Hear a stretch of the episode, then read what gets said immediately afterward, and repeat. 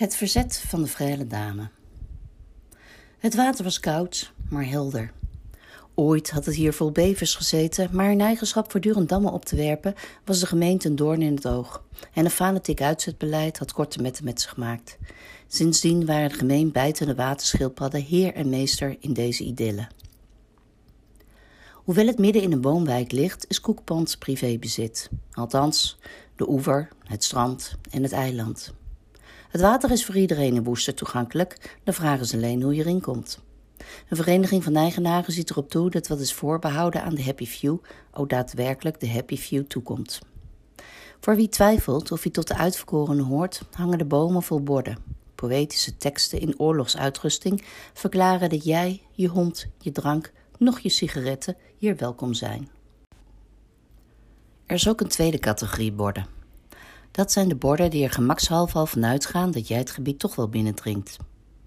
Maar als je dat doet en je stort ter plekke neer, of je struikelt over een schildpad, of wordt anderzijds door onheil getroffen, weet dan dat het allemaal je eigen schuld is.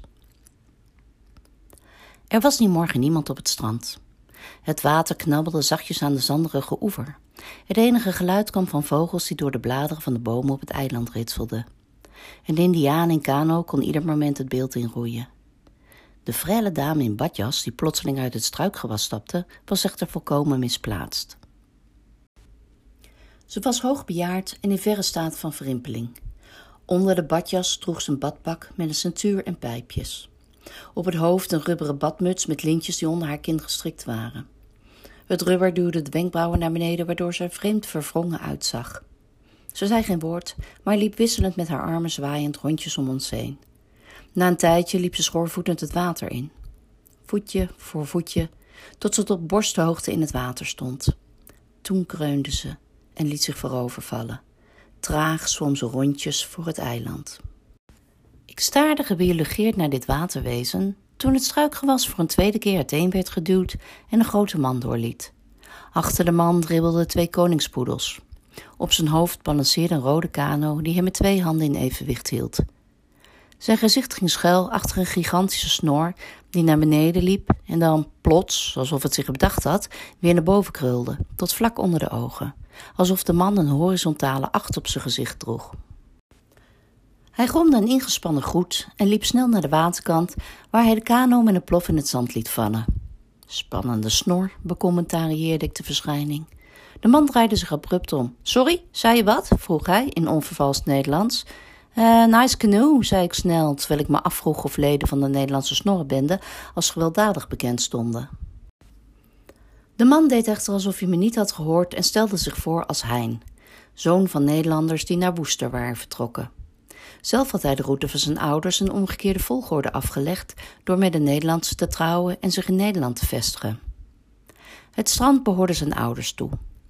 En nog een handvol eigenaren, maar daarover zweeg hij. Een strandbezitter was overigens geen sinecure, zo werd al snel duidelijk. Het bezit werd dagelijks door tal van idioten belaagd.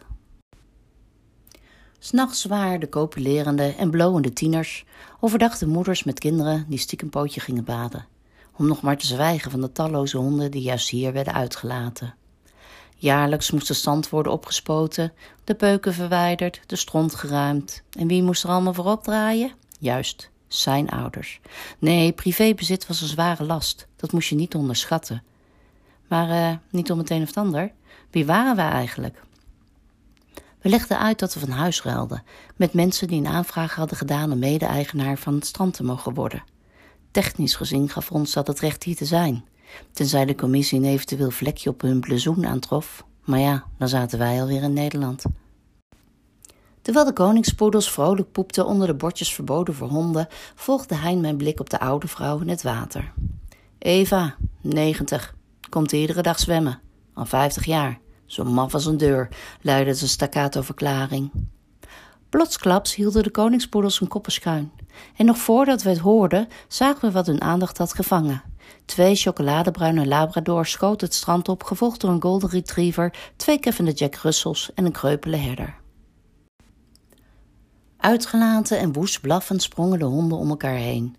Even later volgde een groep mannen met hondenriemen om hun nek geslagen. Vitale tachtigers in korte broeken. sommigen met een beker koffie in de hand. De vereniging van eigenaren was gearriveerd. Hein stelde ze één voor één aan ons voor.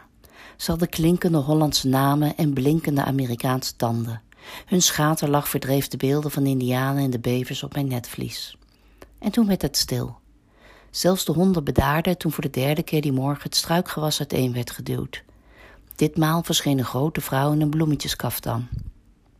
De grand old lady van Cook Pond, Heinz moeder.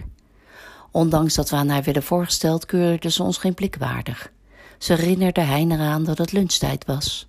Even rustte haar blik op Eva in het water en toen draaide ze zich om en verdween.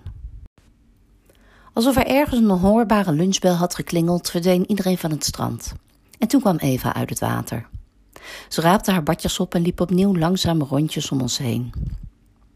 Ze sprak in een Engels dat Duits klonk, maar Hongaars bleek te zijn. Haar stem was krachtiger dan je op grond van haar verschijning zou verwachten. Ze was kort na 1956 Hongarije ontvlucht. Haar talenkennis had haar gered en via omzwervingen was in de Verenigde Staten terechtgekomen. Iedere dag plegen ze haar daad van verzet door illegaal Koekpont te betreden. Dat mens, zei ze met een blik op de struiken waar Heinz moeder was verdwenen. Bezit een meer waar ze nooit in zwemt, een strand waar ze nooit van geniet. Ik kom uit een regime waar alles gedeeld moest worden. Nu woon ik in een land waar niemand wil delen, zelfs de meren zijn privé.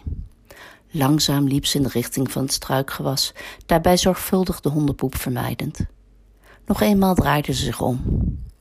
Communisme, kapitalisme. Het is om het even, hoor je. Onthoud één ding. Welk regime er ook heerst, honden scheiteren er altijd de boel onder.